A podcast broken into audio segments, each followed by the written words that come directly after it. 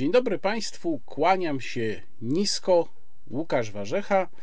Bardzo dziękuję za wszystkie Państwa subskrypcje, za to, że Państwo oglądają ten kanał, a przede wszystkim za to, że Państwo go wspierają. O tej możliwości przypominam.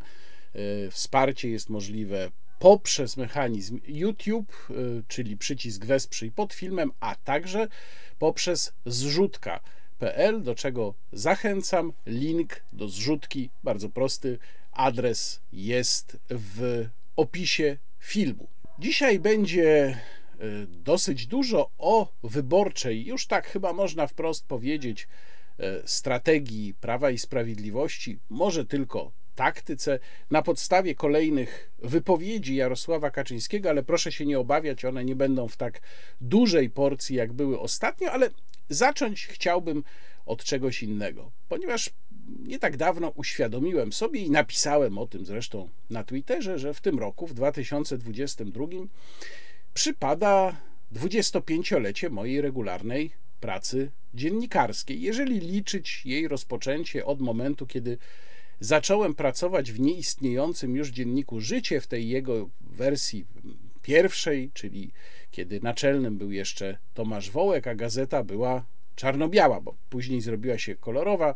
Naczelny też się zmienił, został nim e, Paweł Fonfara. I bardzo dziękuję za wszystkie gratulacje, które Państwo wysłali do mnie na Twitterze z tej okazji. Trochę o tym opowiem, o tych 25 latach, ale proszę się nie obawiać, to będzie bardzo krótkie streszczenie. Gdzie pracowałem przez te 25 lat, gdzie pisałem? No, zaczynałem, tak jak powiedziałem, regularną pracę w dzienniku Życie w dziale zagranicznym. Potem dostałem propozycję przejścia do działu opinii, czyli zostania publicystą. Te propozycje dostałem od Roberta Krasowskiego, ówczesnego szefa działu opinii. No i w ten sposób można powiedzieć, że przeskoczyłem pewien szczebel dziennikarskiej kariery, takiej prawdziwej dziennikarskiej kariery, jak to kiedyś bywało, no bo e, nie terminowałem tak długo w tej regularnej, zwykłej pracy dziennikarskiej, takiej jak właśnie w dziale zagranicznym, które zresztą to działy zagraniczne i to też jest ciekawa refleksja, w tamtych czasach funkcjonowały zupełnie inaczej niż dzisiaj, ponieważ nawet gazety miały korespondentów właściwie we wszystkich głównych krajach świata, stolicach świata. Cóż dopiero mówić o telewizjach. To był standard. Dzisiaj to już standardem nie jest. Jak wiadomo, ścina się korespondentów do minimum i tylko najbogatsze stacje telewizyjne czy państwowe media mogą sobie pozwolić na to, żeby tych korespondentów w kilku miejscach utrzymywać. To oczywiście jest dużo gorsza jakość informacji.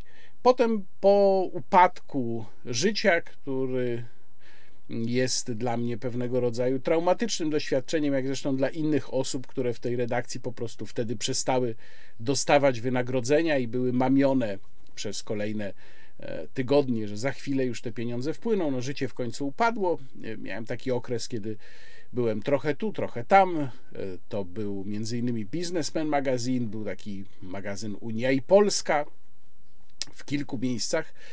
No i później trafiłem do tworzącego się e, wtedy dopiero faktu, i w tym fakcie przepracowałem 10 lat. No to jest naprawdę dużo czasu. 10 pierwszych lat istnienia tej gazety i bardzo dobrze to wspominam. Zresztą, dlaczego dobrze wspominam fakt, to już mówiłem i pisałem w wielu miejscach, broniąc i tego formatu gazety, i tego, co ona wniosła do polskiego mm, krajobrazu medialnego. Nie będę tutaj się na ten temat rozwodził. Jeżeli będzie kolejna na tym kanale y, sesja pytań i odpowiedzi, a na pewno będzie, to wtedy mogą mnie Państwo o to zapytać i wtedy jeszcze raz opowiem, ale mm, jeżeli są Państwo ciekawi mojego zdania, to też wystarczy trochę poszperać, użyć Google'a i trafią Państwo na mm, takie analizy. Y, później trafiłem do, odszedłem z faktu, trafiłem do tygodnika sieci braci Karnowskich, którzy wówczas jeszcze tak nie klęczeli przed władzą. No, przed władzą to w ogóle nie klęczeli w momencie, kiedy ja tam przyszedłem, ponieważ e, władza była jeszcze wtedy z platformy. Mm, I tam pracowałem chyba niecałe 3 lata. Sytuacja się zasadniczo zmieniła w momencie, kiedy zmieniła się też władza, bo stało się dokładnie to, czego się obawiałem, to znaczy obawiałem się, że mm, tygodnik e, sieci i, całe to przedsięwzięcie medialne braci Karnowskich w momencie, kiedy władza się zmieni, no to e, ono przestanie e, wypełniać swoją dziennikarską funkcję, funkcję taką, jak powinny pełnić media, czyli przestanie władzy po prostu patrzeć na ręce. Oczywiście w pierwszych latach rządów PiS, to wszystko jeszcze trochę inaczej wyglądało. Myślę, że tak powiedzmy pierwsze 2-3 lata to jeszcze, jeszcze jakoś wyglądało, potem zaczęło się dramatycznie pogarszać i ja potem trafiłem do mm, tygodnika, do rzeczy, w którym jestem do dzisiaj i uważam, że tutaj no, znalazłem chyba swoje miejsce e, w końcu, e, oby na dłużej, ponieważ e, to jest tygodnik, w którym jest dopuszczalna debata. Mamy przecież swoją konserwatywną linię, ale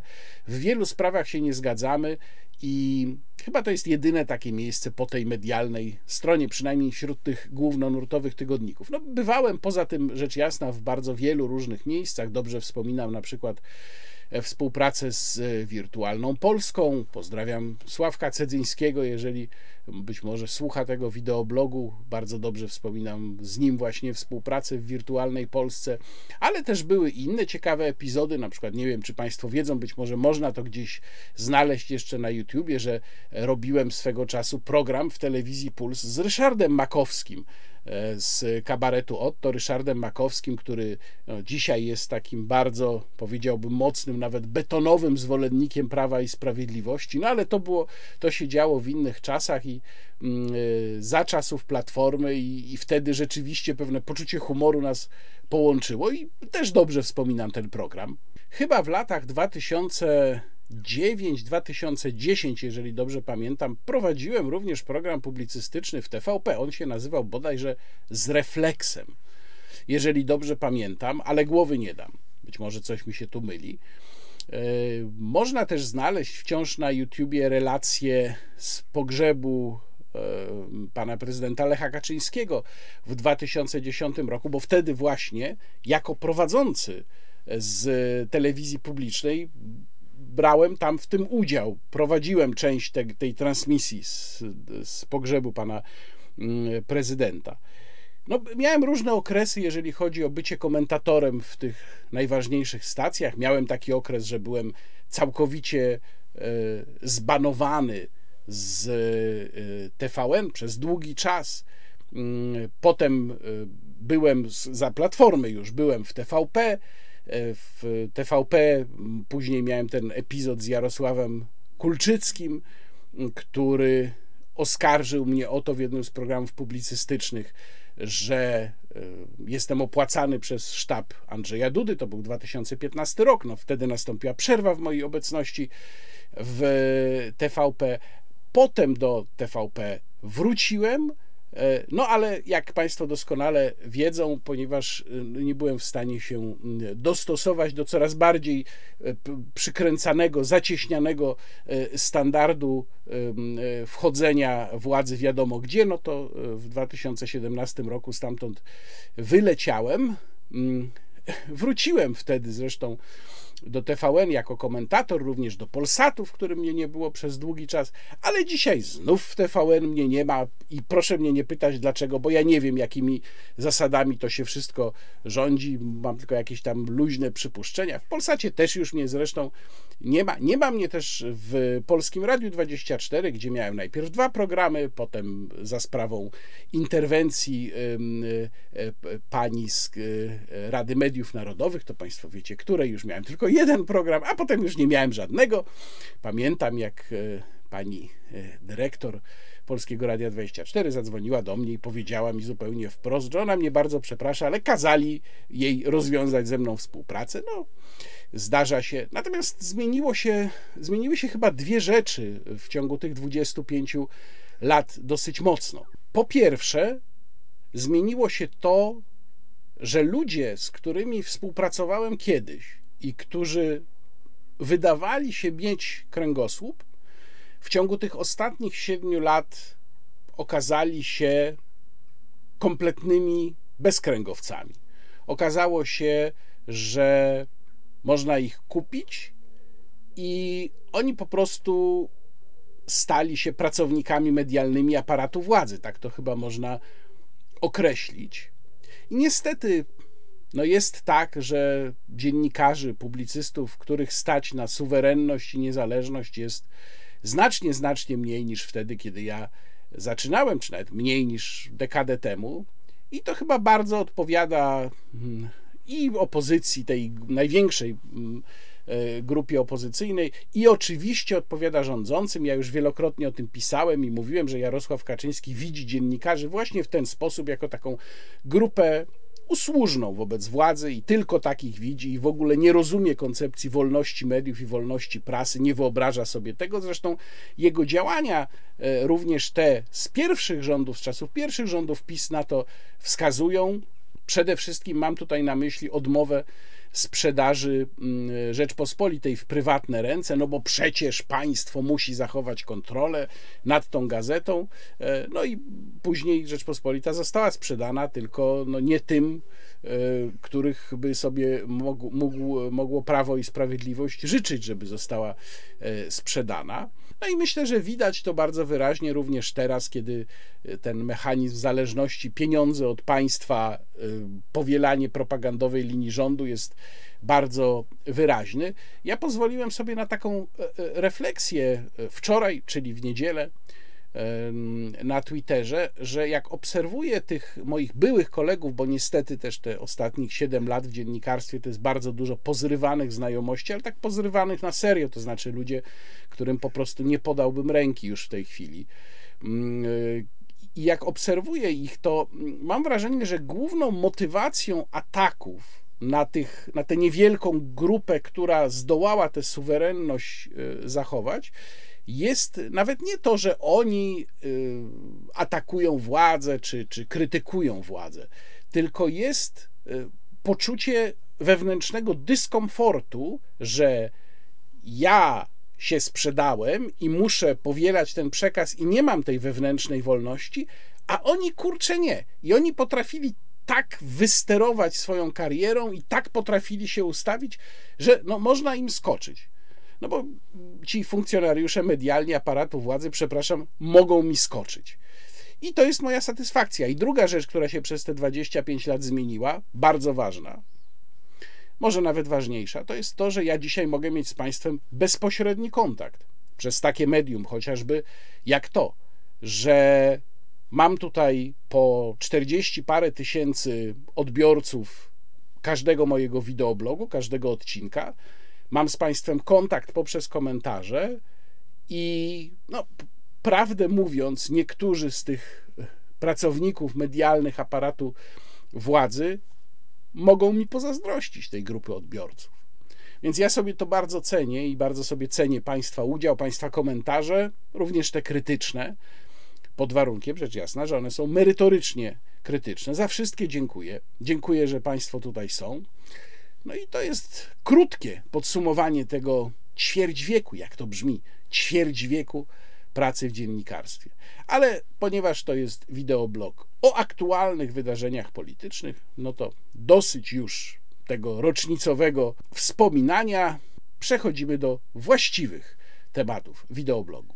Pierwsza sprawa, o której ja nie napisałem nawet żadnego tekstu, bo uznałem, że ona nie jest w gruncie rzeczy specjalnie istotna i właściwie nadal podtrzymuję tę opinię paradoksalnie, choć o tym będę właśnie teraz mówił, to jest odejście Jarosława Kaczyńskiego z rządu. Samo to odejście niewiele zmienia. No bo Jarosław Kaczyński gdziekolwiek by był, czy jest wicepremierem, czy byłby premierem, czy jest szeregowym posłem, no to nadal pozostaje centralną osobą w państwie. I to jest rzecz jasna system patologiczny, i właśnie ta patologia się ujawniła w momencie rezygnacji Jarosława Kaczyńskiego, który po prostu to ogłosił. Odszedłem. A przecież wiemy doskonale, że procedura odwoływania wicepremiera czy ministra jest określona w konstytucji trzeba złożyć, premier musi złożyć wniosek do prezydenta, prezydent musi ten wniosek przyjąć o dymisję i prezydent wręcza dymisję. Natomiast Jarosław Kaczyński zadbał o to, żeby odbyło się to w taki sposób, żeby pokazać, że tam jakiś tam prezydent, jakiś tam premier, nieważne. Ja, Jarosław Kaczyński, tutaj jestem najważniejszy. Ja se ogłosiłem, że odchodzę i proszę bardzo, tam, niech tam się tymi papierami tam inni zajmują, jakiś, jakaś papierologia, o co tutaj chodzi. Deklaracja Jarosława Kaczyńskiego, dlaczego odszedł, no, mm, mówi, że wypełnił swoją misję, co zresztą za chwilę Państwo usłyszą, kiedy pokażę Państwu fragment y, rozmowy y, w gości wiadomości, że wypełnił swoją misję, którą przede wszystkim było przygotowanie ustawy o obronie ojczyzny. To jest oczywiście nieprawda. No, jasne jest dla wszystkich obserwatorów polityki, że Jarosław Kaczyński był w rządzie po to, żeby załagodzić pewne e, napięte relacje, relacje między obozem Zbigniewa Ziobry a Mateusza Morawieckiego, natomiast teraz odchodzi nie dlatego, żeby te relacje zostały załagodzone, bo one raczej wchodzą w kolejny okres pewnego napięcia, takie można odnieść wrażenie, na tle oczywiście kwestii KPO i sprawy Sądu Najwyższego. Natomiast Jarosław Kaczyński odchodzi, ponieważ zaczęła się już kampania wyborcza.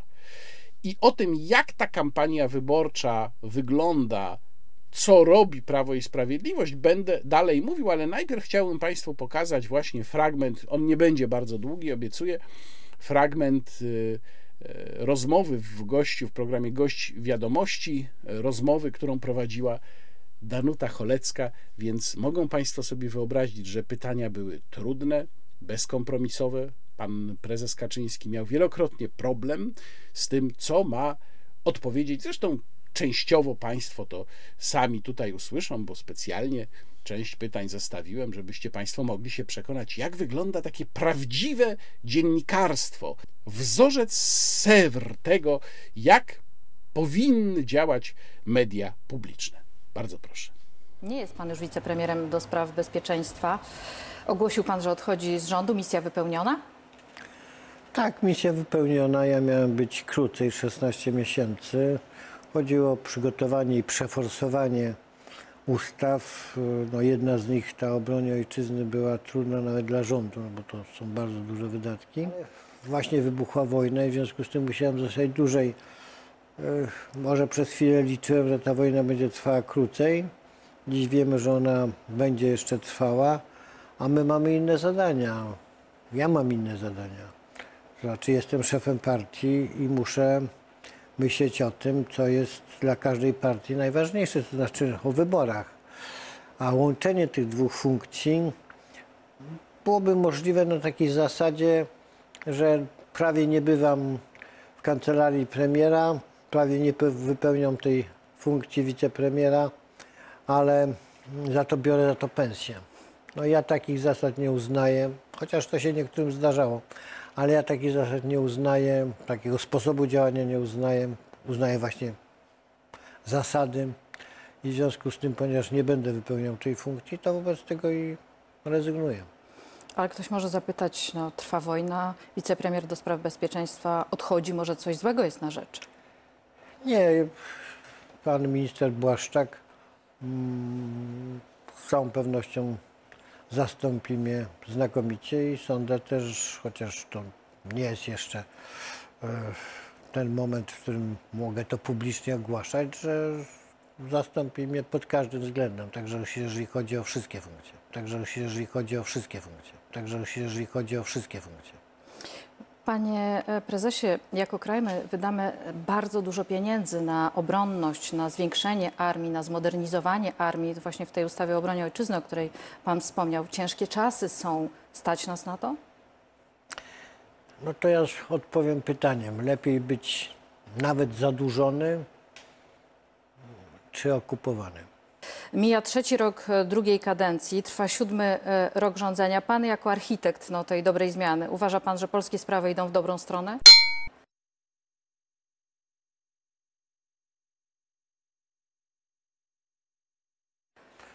Z całą pewnością w tych wszystkich sprawach, na które mieliśmy wpływ, no bo przecież nie mieliśmy wpływu na wybuch wojny czy na COVID, e, szły przez cały czas i idą dalej w dobrą stronę. I nawet wtedy, kiedy przyszły te wielkie kłopoty, wielkie wyzwania, najpierw COVID, no a później jeszcze większe wyzwanie, bo wojna to już rzecz naprawdę zupełnie nadzwyczajna, mm, to w dalszym ciągu sobie radę dajemy. I będziemy sobie dawać radę, no tylko liczymy na to, że będą nam mniej przeszkadzać niż dotychczas, a przeszkadzano nam z wewnątrz, no i to trudno, opozycja totalna. KPO y, no, s- spełniony został ten jakby kluczowy warunek, czyli likwidacja Izby e, Dyscyplinarnej. Czy jest pan pewien, e, że te pieniądze Polska dostanie? Bo jeśli y, mówił pan o opozycji totalnej, to rezolucje w Parlamencie Europejskim, no, takie, które rekomendują niewypłacanie środków e, e, Polsce, no, no, cały czas są przyjmowane, czyli KPO, czyli Krajowy Plan No ja Odbudowy. wierzę, że w Komisji Europejskiej, bo ona tutaj jest najistotniejsza, e, zwycięży zdrowy rozsądek, no, poczucie rzeczywistości, także tej rzeczywistości wojennej, no po prostu zwykła przyzwoitość. Nam się to po prostu należy. Wypełniliśmy te warunki. Wydaje mi się, że e, powinno być dobrze.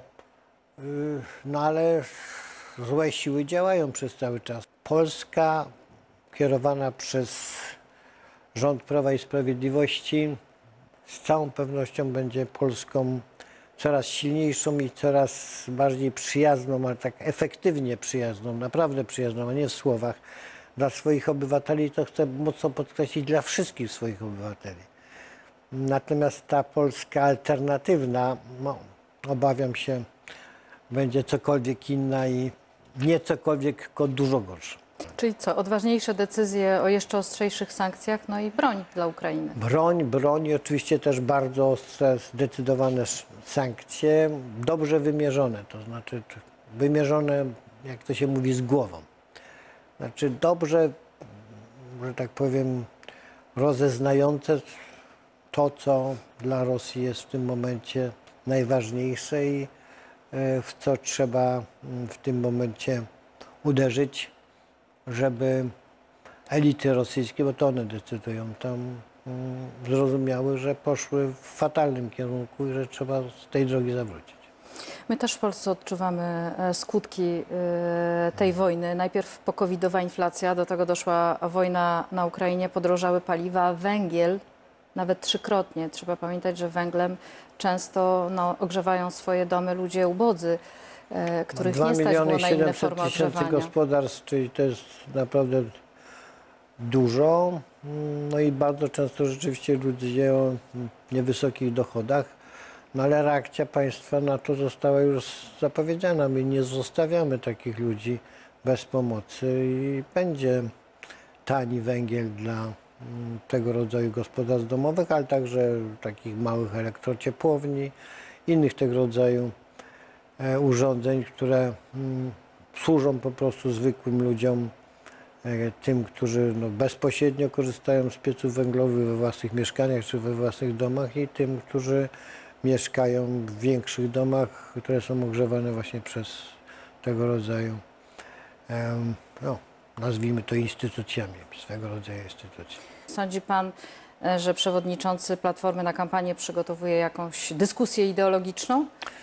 Sądzę, że przygotowuje coś w rodzaju no, wojny domowej w Polsce, e, że e, ten szok wynikający z utraty władzy, oni zdaje się byli przekonani, że będą tutaj rządzić no, ba, bardzo, bardzo długo, doprowadził do jakichś no, zmian psychicznych i przede wszystkim snucia takich planów, które no, oczywiście z demokracją nie mają i praworządnością nie mają kompletnie nic wspólnego, a poza tym, które no, muszą doprowadzić do niezwykle ostrych konfliktów ze wszystkimi tego konsekwencjami, więc y, mogę tylko ostrzec tych wszystkich, którzy by chcieli głosować na takie rozwiązania, że później no, będą tego fatalne skutki. Mm, Bo apelowanie do Donalda Tuska i jemu podobnych jest kompletnie bezsensowne. No, to jest pewien stan psychiczny. kilka ciekawych wątków, które wyłowiłem w tym skrócie. Przede wszystkim wątek rezygnacji z posady wicepremiera i tego, jak Jarosław Kaczyński powiedział w tym kontekście o Mariuszu Błaszczaku. No, czy ktokolwiek mógłby mieć wątpliwości, słuchając tego, że był to jakiś przypadek, jakiś lapsus, jakieś mm, potknięcie językowe. No przecież nie. Jarosław Kaczyński zupełnie wprost i celowo podał informację o tym, że w jego miejsce wchodzi Mariusz Błaszczak tak, żeby stworzyć wrażenie, że Mariusz Błaszczak no, zostaje właściwie namaszczony na jakiegoś nowego delfina.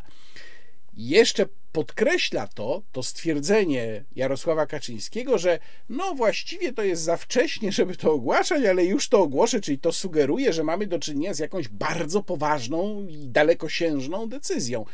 Potem, po kilkudziesięciu godzinach, zaczęło się dementowanie tego, że nie, nie, tutaj chodzi tylko o funkcję rządową. No ale przecież przez te kilkadziesiąt godzin proszę sobie wyobrazić, co się działo, na przykład w otoczeniu premiera Morawieckiego. Więc po co takie zagrywki? No po prostu dlatego, że to jest styl zarządzania partią Jarosława Kaczyńskiego.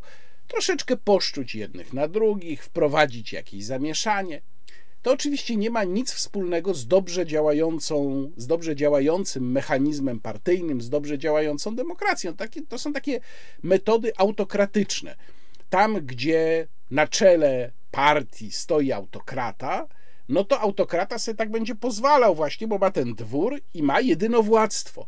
Ono oczywiście jest ograniczone różnymi pretensjami płynącymi z dołu, różnymi ambicjami, które są dookoła, ale jednak ma bardzo szeroki zakres. Więc takie gierki Jarosława Kaczyńskiego należą do pewnego standardu mm, szefowania przez niego partii.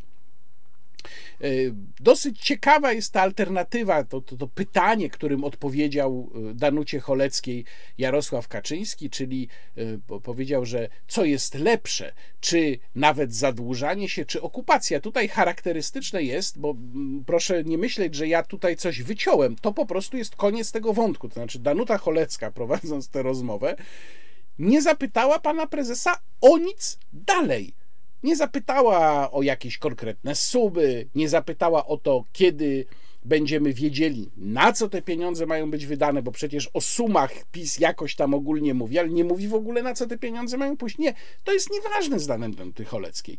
Jej wystarczyło ten, wystarczył jej ten bonmot, który Jarosław Kaczyński wygłosił, któremu zresztą nie postaje w głowie, że można się nie zadłużać, albo przynajmniej nie zadłużać się potężnie, ograniczyć wydatki gdzieś indziej, i uzbroić się. No, oczywiście nie będę tutaj mówił o tym, jakim obciążeniem dla polskiego budżetu będą zbrojenia i że wątpliwe bardzo jest, czy my jesteśmy w stanie to udźwignąć przy innych naszych wydatkach. Sporo było w tej rozmowie o powstrzymywaniu Rosji i o sankcjach. No i ten wątek właśnie, że sankcje mają być mądre, no to ja bym się chciał dowiedzieć, czy one mają być tak mądre, jak te sankcje wprowadzane jednostronnie przez Polskę na podstawie ustawy sankcyjnej. Nie mówię tutaj o węglu, o węglu za chwilę jeszcze będzie mowa, ale mówię na przykład o takich sankcjach jak te na firmę Nowatek wprowadzone przez MSWiA, które pozbawiły kilkanaście tysięcy osób dopływu gazu na e, kilka dni, a wprowadzone wobec firmy Maga Foods, która mam nadzieję walczy ciągle o odblokowanie, ale chyba cały czas nieskutecznie, no, pozbawiły pracy e, kilkaset osób, a państwo wpływów z podatków. To są te mądre sankcje. Ale tutaj, przy tym fragmencie, skoro jesteśmy, to chyba warto też zadać już poważniejsze pytania, bo Sankcje zostały wprowadzone rzeczywiście szybko, kolejne pakiety sankcyjne, bodajże jest ich chyba sześć do tej pory, jeżeli dobrze pamiętam. No i tu można sobie zadać pytanie o skutki. Bo gdyby tak prześledzić listę tego, co się już miało stać z Rosją przez te dobrze ponad trzy miesiące toczących się na Ukrainie walk, no to Rosja już miała być pokonana, wycofać się z całej Ukrainy. Ukraina miała już odbić Krym. Putin miał zostać e, obalony w wyniku zamachu, ma mieć raka i już umierać, i tak dalej, i tak dalej. A przede wszystkim już Rosja miała się złożyć całkowicie z powodu tych sankcji.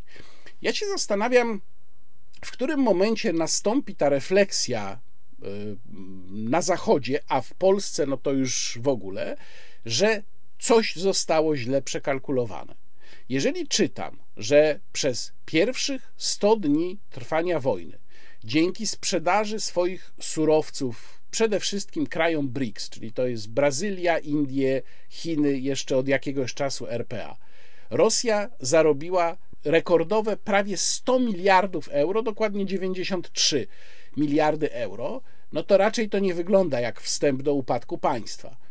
Ja mam wrażenie, że to, o czym nam mówi Jarosław Kaczyński, a właściwie to, o czym mówi swoim słuchaczom na kolejnych spotkaniach, jak jeździ po Polsce, ale to, o czym nam mówią również członkowie rządu, polskiego rządu, bo chyba jednak Zachód trochę inaczej do tego podchodzi, zwłaszcza te kraje, które są uważane w Polsce przez dużą część ludzi za zdradzieckie, prawda? Niemcy, Francja. Może tam jest trochę inne myślenie ze względu na to, że tam perspektywa jest szersza w naturalny sposób, ale mam wrażenie, jakbyśmy my utkwili, jeżeli chodzi o to, mm, co można zrobić, żeby pomóc Ukrainie, jakbyśmy utkwili na poziomie pierwszych, powiedzmy, trzech, czterech maksymalnie tygodni tej wojny. Czyli na poziomie tych mrzonek o jej szybkim zakończeniu, o tym, że Ukraina tutaj, ponieważ bohatersko odparła pierwszy impet, no to już właściwie pokona za chwilę wroga, nastąpi zwycięstwo i tak dalej, i tak dalej. Tymczasem wojna się ciągnie i nie tylko się ciągnie, i nie tylko Rosja na wschodzie Ukrainy zaczyna odnosić, no można powiedzieć, umiarkowany, ale jednak sukces, ale przede wszystkim chyba zaczyna być widać, że sankcje, które wymyślił Zachód, okazują się po prostu nieskuteczne. Ja nie mówię, że to oznacza, że odwrót od rosyjskich surowców jest zły, bo nie jest, ponieważ Rosja zawsze by używała ich jako swego rodzaju broni. Ale odwrót w takim tempie uderza przede wszystkim jednak w nas, i nam bardziej szkodzi niż Rosji. Ewidentnie. I to już w tym momencie, moim zdaniem, widać. I ja bym oczekiwał, że w związku z tym nastąpi jakaś refleksja, bo wszystko to, co się działo, było obliczone no, jednak na stosunkowo krótki czas.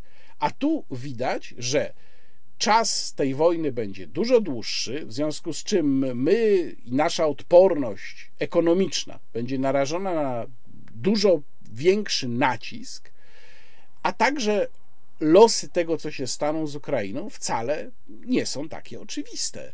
My chyba musimy się zacząć mentalnie przygotowywać na to, że Ukraińcy po prostu będą musieli w którymś momencie pójść na kompromis. To będzie dla nich bardzo gorzki kompromis. Ile czasu państwo może trwać w stanie wojny? I ten kompromis prawdopodobnie będzie się łączył z utratą jakiejś części terytorium. No i teraz jest pytanie, jeżeli myśmy się tak wydrenowali ekonomicznie i finansowo na samym początku, a musimy być przygotowani na to, i tutaj pełna zgoda z Jarosławem Kaczyńskim, żeby mieć na tyle silną armię, żeby ona pełniła rolę odstraszającą. Na razie mamy armię osłabioną, ponieważ mnóstwo sprzętu przekazaliśmy Ukrainie. To za co my mamy tę armię uzbroić? My się musimy przygotowywać, powinniśmy się byli już wcześniej przygotowywać na długi marsz. A mam wrażenie, że pod wpływem wydarzeń, emocji tych pierwszych kilku tygodni, kiedy się wydawało, że to może się zaraz skończyć i było pełno tych triumfalnych opinii i, i wiadomości, pod wpływem tego myśmy się przygotowali na krótki marsz i nie mamy żadnego pomysłu, co dalej z tym zrobić. Dalej mamy ten fragment, w którym Jarosław Kaczyński mówi o problemach psychicznych, nie wiem czy Donalda Tuska, czy całej Platformy, no ale tutaj ja bym pana prezesa raczej przestrzegał przed wchodzeniem na ten grunt, bo za chwilę ktoś się może za zacząć zajmować jego stanem psychicznym, a ja muszę powiedzieć, że no tak jak e, nie jestem zwolennikiem nadmiernego personalizowania polityki, to jednak w wielu momentach, kiedy słucham Jarosława Kaczyńskiego, mam wrażenie, że jego wiek już bardzo wyraźnie odbija się na jego możliwościach percepcyjnych i intelektualnych. No i wreszcie mamy temat Węgiel Plus. Ja już mówiłem o tym w kilku poprzednich wideoblogach, od momentu, kiedy się pojawił w ogóle problem z węglem. Przecież mówię o tym i przypominam cały czas, że to, że problem z węglem jest, wynika z bezsensownego włączenia sankcji jednostronnych przez Polskę na rosyjski węgiel jeszcze w kwietniu, zamiast 10 sierpnia, tak jak reszta Unii Europejskiej. To nas odcięło momentalnie od rosyjskiego węgla i takie są skutki. Kiedy nagrywałem e, poprzedni wideoblog, to jeszcze projektu samej ustawy nie było. Ale w tej chwili nie tylko jest już projekt, ale ustawa przeszła trzecie czytanie w Sejmie, e, no jeszcze oczywiście Senat i, i potem ewentualnie znowu Sejm i podpis pana prezydenta, ale mamy już ten tekst ustawy i muszę Państwu powiedzieć, że tak absurdalnej i też tak źle napisanej ustawy to ja naprawdę dawno nie widziałem. Ona jest po prostu źle napisana, poza tym, że zawiera pewne mm, e, absurdalne założenia.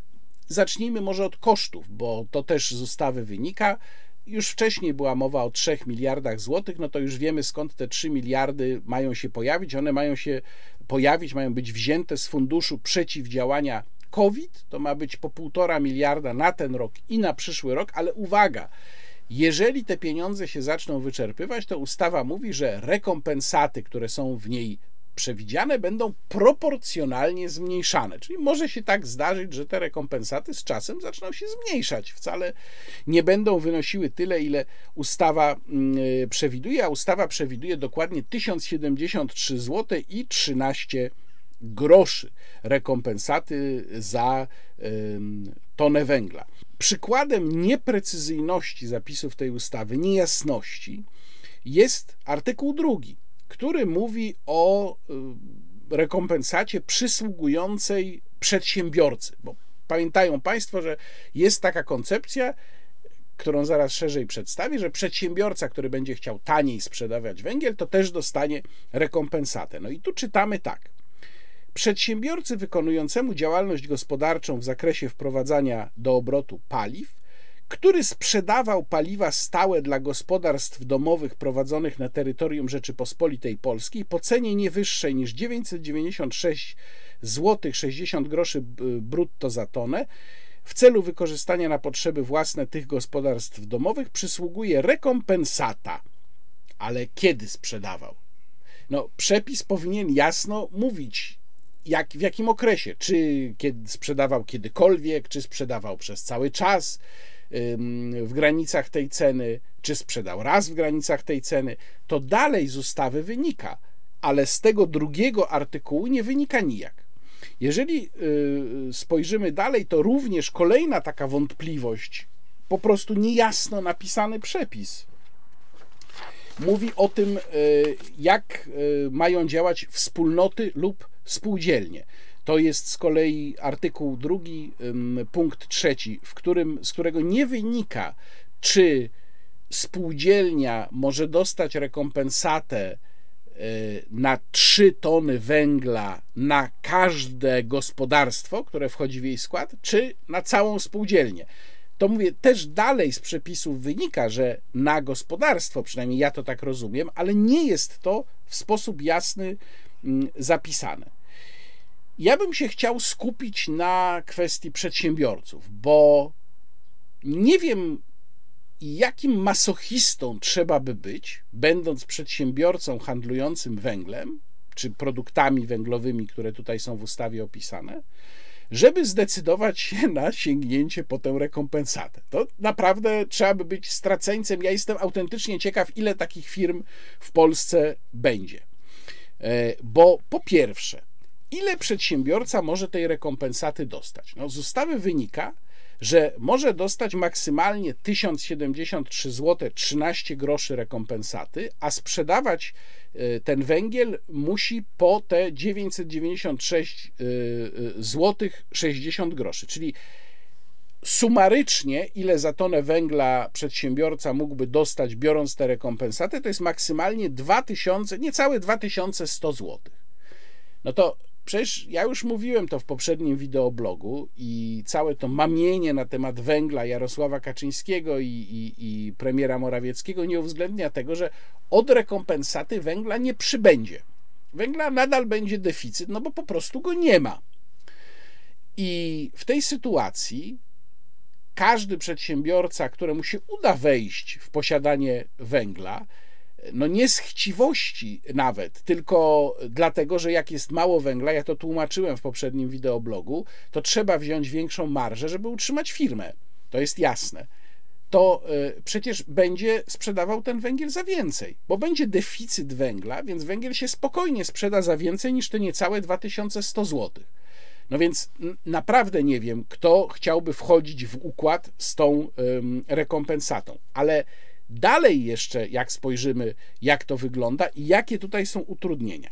Otóż tak, przedsiębiorca, który chciałby z tej rekompensaty skorzystać, musi poinformować o tym zarządcę rozliczeń spółka akcyjna i musi zgłosić, że on będzie brał tę rekompensatę, a następnie musi w ciągu jednego dnia, czy tam najpóźniej do następnego dnia roboczego, tak to jest tutaj opisane, najpóźniej w kolejnym dniu roboczym po dokonaniu transakcji sprzedaży, po wcześniejszej rejestracji na specjalnym portalu, będzie musiał o tej transakcji poinformować.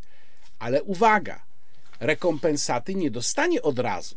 Poinformować o transakcji musi, ale potem będą dwa okresy w tym roku i w przyszłym roku, w których ten przedsiębiorca będzie e, musiał zgłosić w tych ściśle określonych właśnie okresach. Nie może e, się opóźnić, bo wniosek nie będzie uznany. Będzie musiał jeszcze zgłosić wniosek o rekompensatę, załączając wiele stosownych dokumentów.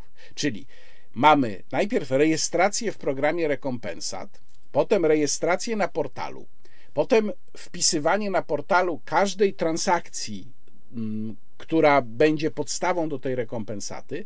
Potem mamy wniosek o rekompensaty, znów z mnóstwem dokumentów, i wreszcie mamy dwie transze wypłat tych rekompensat i pierwsza jest do 31 grudnia tego roku, a następna do końca marca przyszłego roku. Czyli jeszcze raz, żebyście Państwo zrozumieli. Przedsiębiorca, który by chciał skorzystać z tej rekompensaty, po pierwsze, nie zarobi na tonie węgla więcej, nie zarobi, nie sprzeda tony węgla za więcej niż 2100 zł. Po drugie, musi przejść jakąś gigantyczną papierologię, która mu jeszcze dokłada problemów. Po trzecie, musi złożyć wniosek, a który może jeszcze nie zostać uznany, bo takie zastrzeżenie w ustawie też jest, że może zostać wniosek rozpatrzony negatywnie. Może złożyć wniosek z uzasadnieniem, dlaczego on chce rekompensaty w takiej wysokości, i potem ewentualnie z opóźnieniem, które przecież może sięgnąć wielu miesięcy, no bo jeżeli na przykład sprzeda ten węgiel, powiedzmy, nie wiem, we wrześniu, a pieniądze dostanie dopiero do końca grudnia, prawda? Jeżeli w ogóle je dostanie tak jak mówię, trzeba by być gospodarczym masochistą, żeby skorzystać z tego mechanizmu, będąc przedsiębiorcą. No, oczywiście w przypadku indywidualnych klientów to wygląda trochę inaczej. W ustawie są takie załączniki, tam jest też wzór oświadczenia indywidualnego klienta. Indywidualny klient ma trochę prostszą procedurę, jeżeli się ubiega o to dofinansowanie. Przypomnę, że ono tylko zresztą obowiązuje do y, 3 ton, a przedsiębiorca, aha, żebym jeszcze zapomniałem, musi dokumenty dotyczące tych transakcji, które, y, na które wziąłby rekompensatę, musi przechowywać przez 10 lat. Więc naprawdę jest to napisane w taki sposób, mam wrażenie, żeby maksymalnie zniechęcić tych przedsiębiorców do pobierania rekompensaty. I właściwie nie wiem, po co oni w ogóle zostali w tej ustawie uwzględnieni, bo jeżeli jest ktoś, jeżeli jest jakaś firma, która by chciała z tej rekompensaty skorzystać, mówię tu o prywatnej firmie, to proszę dać mi znać w komentarzu, jeżeli Państwo coś o tym wiedzą bo ja nie sądzę, żeby się nawet jedna firma w Polsce znalazła, która na to pójdzie. No chyba, że w tym jest ukryty jakiś super mechanizm, który pozwala na tym zarobić. Naprawdę. I którego ja nie wychwyciłem. Może tak jest. Skoro mówiłem o programie Węgiel Plus, no to teraz powiemy o programie Paliwo Plus, bo program Paliwo Plus uruchomił Orlen, jak Państwo wiedzą można będzie zaoszczędzić 30 groszy na litrze paliwa. Tak, taka jest atrakcyjna propozycja, ale uwaga, bo są ograniczenia. E, Ja przede wszystkim muszę powiedzieć, że miałem duży problem ze znalezieniem regulaminu tej promocji, bo chciałem jednak spojrzeć w regulamin, a nie w informacje prasowe, które po prostu były niejasne. No wreszcie regulamin znalazłem i link do niego zamieszczam Państwu, gdybyście Państwo też potrzebowali mm, sięgnąć do tego źródła. To regulamin nie jest długi, tam dwie strony mniej więcej. Natomiast jak tutaj Orlen się wycwanił? No po pierwsze trzeba pamiętać, że, że ta zniżka 30-groszowa obowiązuje od ceny na pylonie, czyli jeżeli Orlen będzie miał na stacji ceny wyższe niż konkurencja, to obniżka w stosunku do jakiejś taniej stacji, którą znajdziemy gdzie indziej, wcale nie będzie wynosiła 30 groszy, tylko na przykład 20 groszy czy 15 groszy. No i w ten sposób nie oszczędzimy już 45 złotych miesięcznie, co nie jest przecież jakąś wielką sumą, no ale taki limit ustanowił właśnie Orlen, tylko oszczędzimy mniej w stosunku do tej ceny gdzieś na innej, tańszej stacji. Jakie tutaj są ograniczenia? No, ograniczenia są takie, żeby Orlen jak najmniej na tym stracił po prostu, ale żeby wyglądało to bardzo efektownie. E, no bo rzeczywiście te 45 zł maksymalnego zysku na klienta to naprawdę nie są jakieś gigantyczne pieniądze, ale tyle można zyskać wyłącznie, jeżeli się zatankuje trzy razy po co najmniej 50 litrów. Tutaj uprzedzam ewentualne pytania. Z regulaminu jasno wynika, że można zatankować więcej i dostanie się wtedy po prostu zniżkę tylko na 50 litrów, a za resztę te, te nadmiarowe litry ponad 50 płaci się już według ceny na dystrybutorze. Natomiast jeżeli ktoś tankuje motocykl, samochód, który ma mały bak, tak jak na przykład wiem, hybrydy plug-in mają małe y, stosunkowo baki, no to y, niestety traci. Bo Orlen się tak wycwalił, że to nie jest promocja na 150 litrów miesięcznie, tylko to jest promocja na 3 tankowania ze zniżką. I w ramach każdego tankowania na 50 litrów. A więc jeśli mamy bak pojemności powiedzmy 35 litrów, no to sorry Gregory, ale nie zyskamy tyle, bo możemy zatankować maksymalnie tylko, no te tam nawet nie 35, tylko powiedzmy 30 litrów. W aplikacji Witaj, która jest warunkiem skorzystania z tej promocji, są takie wirtualne kupony. I każdy kupon, prawdopodobnie, tak przypuszczam, trzeba będzie skanować przy kasie no i on wtedy już przestaje być aktywny. Czyli mamy w sumie będziemy mieli sześć takich kuponów, no bo promocja trwa do końca sierpnia. Czy to ma jakieś znaczenie? Moim zdaniem głównie PR-owe i psychologiczne, bo nie wyjaśnia to kompletnie kwestii windowania cen, nie wyjaśnia to, dlaczego ceny niemalże stoją w miejscu, mimo że ropa ostatnio znów potaniała Myślę, że może to mieć ewentualnie jakiś wpływ na ceny na innych stacjach, które może będą rosnąć trochę wolniej za sprawą tej promocji orlenowskiej. No ale powiedzmy sobie szczerze, 45 zł miesięcznie oszczędności mm, i to tylko pod warunkiem, że ktoś trzy razy zatankuje po co najmniej 50 litrów. No fajnie, ale jakieś szaleństwo to to nie jest.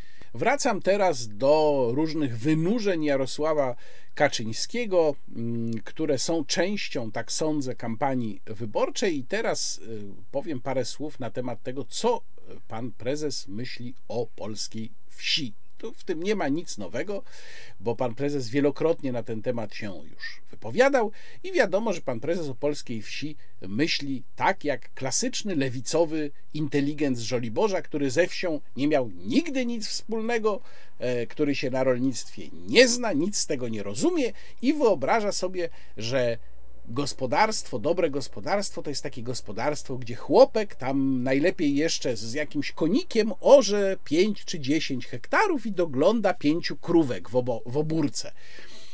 Jarosław Kaczyński e, wygłosił takie dosyć kuriozalne stwierdzenie podczas konferencji w Toruniu.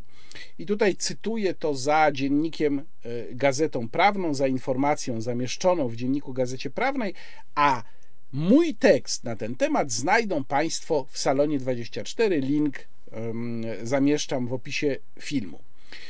Otóż, y, co pisze, jak relacjonuje dziennik y, tę wypowiedź prezesa Kaczyńskiego?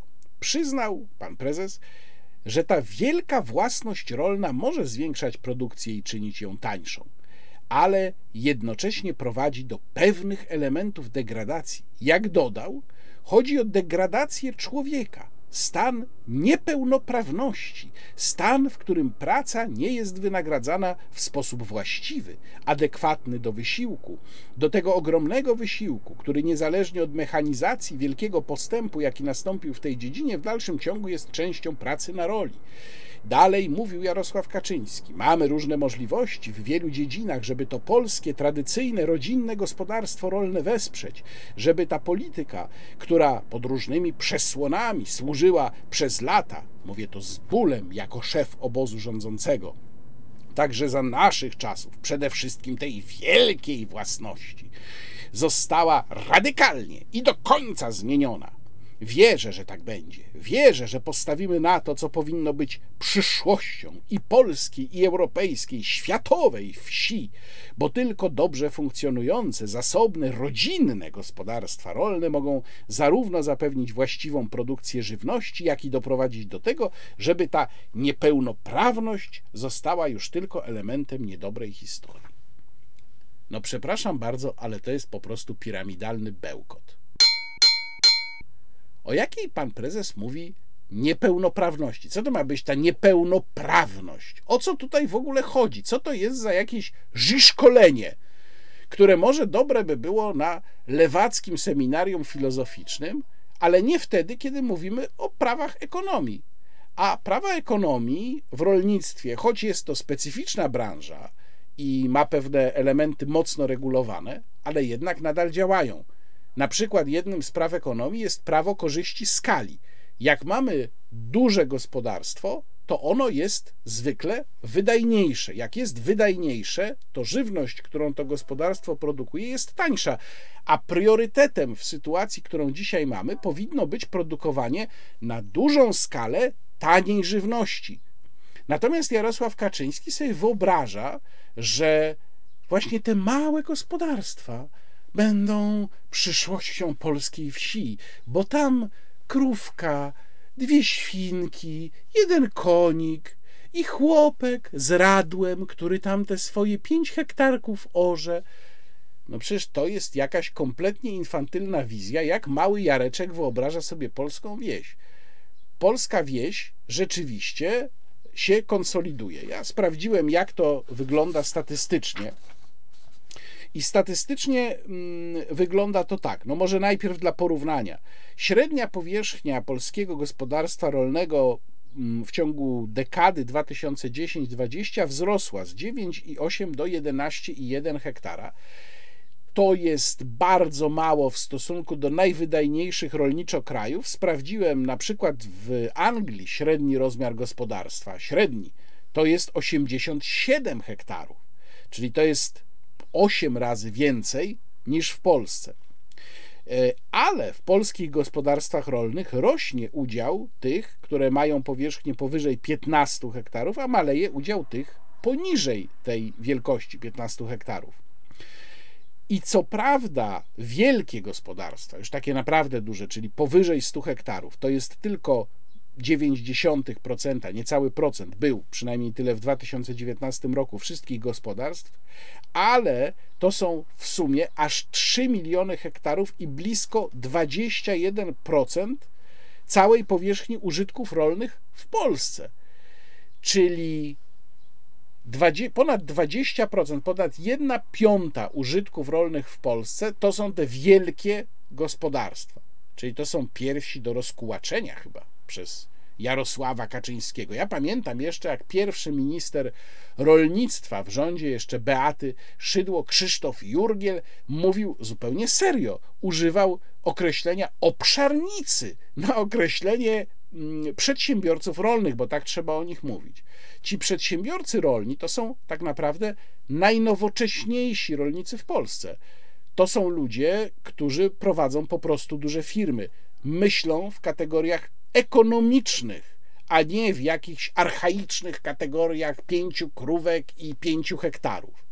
Oni e, mają rzeczywiście dużą wiedzę, bardzo nowoczesny sprzęt, są doskonale zorientowani w światowym rynku rolnym i to są po prostu poważni menadżerowie, którzy jednocześnie są bardzo często po prostu prywatnymi właścicielami dużego gospodarstwa, więc to też są w dużej mierze poza kombinatami rolniczymi, ale to są też w dużej mierze gospodarstwa rodzinne, te wielkie gospodarstwa. Sprawdziłem na przykład, że największe gospodarstwo w Polsce, gospodarstwo rolne, o powierzchni 12 tysięcy hektarów, z czego 4 tysiące hektarów są wydzierżawione Agencji Nieruchomości Rolnych, ale całość to jest 12 tysięcy hektarów. Z tego 8 tysięcy hektarów uprawiane przez właścicieli tego gospodarstwa i to jest prywatny właściciel. To są bracia romanowscy z Bartoszyc, którzy są właścicielami największego polskiego gospodarstwa rolnego. I teraz jest pytanie, co ma na myśli Jarosław Kaczyński, kiedy y, wygłasza te swoje szumne zapowiedzi, że oni tutaj zmienią radykalnie do końca. Znaczy, panie prezesie, co? Będziecie, nie wiem, rozkłaczać, przymusowo nacjonalizować, czy wprowadzać jakieś preferencje niezgodne z konstytucją dla kategorii rodzinnych gospodarstw. Ale co to jest rodzinne gospodarstwo? Pan prezes mówi rodzinne, to znaczy należące do jednej rodziny. No to jak powiedziałem, do jednej rodziny może należeć gospodarstwo 100 hektarowe i 500 hektarowe też może należeć do rodziny. To o co tutaj chodzi? O własność rodzinną, czy o powierzchnię, czy, czy o co panu chodzi, panie prezesie? Już pomijam y, kwestię tego jakiegoś dziwacznego pojęcia stanu niepełnoprawności. I teraz można by uznać, że to wszystko jest rzeczywiście bełkot jakiegoś starszego pana, który nie ma pojęcia o wsi, nic z tego nie rozumie i coś tam sobie wygaduje. No tylko problem polega na tym, że ten starszy pan wszystkim trzęsie. W tym tekście na salonie 24 zawarłem też taką refleksję, jak patologiczny jest system, w którym jakieś prywatne upodobania, animozje, fobie jednego człowieka, no w tym wypadku lidera obozu rządzącego właśnie, determinują wszystko. No bo tu mamy do czynienia dokładnie z taką sytuacją. Wszystko jest zdeterminowane tym, jaką wizję wsi ma Jarosław Kaczyński, a jest to wizja, jak powiedziałem, lewicującego inteligencika z Żoliborza. Ale to nie koniec tego typu wynurzeń bo pan prezes był również w Inowrocławiu. Ja już Państwu nie pokazuję tutaj skrótu z wystąpienia Jarosława Kaczyńskiego w Inowrocławiu, bo to w zasadzie wszystko jest to samo. Schemat tych wystąpień Jarosława Kaczyńskiego w różnych miejscach w Polsce jest w zasadzie wszędzie identyczny. Czyli Jarosław Kaczyński przyjeżdża i wygłasza taki długaśny wykład o historii trzeciej RP, w którym role są oczywiście podzielone. PiS jest zawsze w roli bardzo pozytywnej, jest mowa o Lechu Kaczyńskim, dużo jest o tym, ile pieniędzy się wydało, opowieści są o sądownictwie, którego się nie udało zreformować i tak dalej, i tak dalej. Wszędzie ten sam schemat. No, taka pogadanka, której można by wysłuchać na jakimś takim wieczorku zatytułowanym Spór o historię trzeciej RP. Natomiast y, jako przemówienia zagrzewające do wyborczego boju, to powiem szczerze, średnio dla mnie to wypada. Ale w tym konkretnym wypadku, czyli wino Wrocławiu, który zresztą pan prezes był uprzejmy pomylić z Włocławkiem, Jarosław Kaczyński powiedział parę słów które jednak warto tutaj przytoczyć. Bardzo proszę. To jest problem mieszkaniowy. Tu uczciwie mówię, nie udało nam się złamać tego układu, który został stworzony na początku lat 90., który zapewnił pewnym bardzo niewielkim grupom, z reguły z jednego środowiska, zdobywać ogromne zyski, czyli temu układowi deweloperskiemu nie udało się tego złamać, nie udało się doprowadzić do tego, żeby w Polsce można było możliwie tanie mieszkania budować na wielką skalę. W czasie, kiedy dochód na głowę Grecji czy Hiszpanii był dużo niższy niż dzisiejszej Polski. Dużo niższy. Nie niższy, tylko dużo niższy.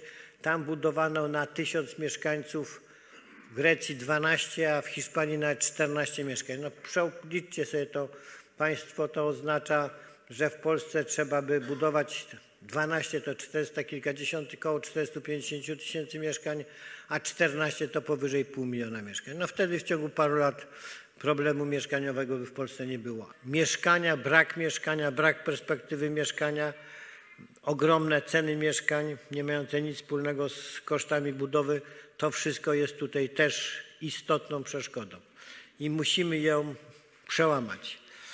Musimy doprowadzić do tego, żeby wpływy tego układu deweloperskiego, wpływy, które niestety sięgają także i naszych środowisk, zostały złamane.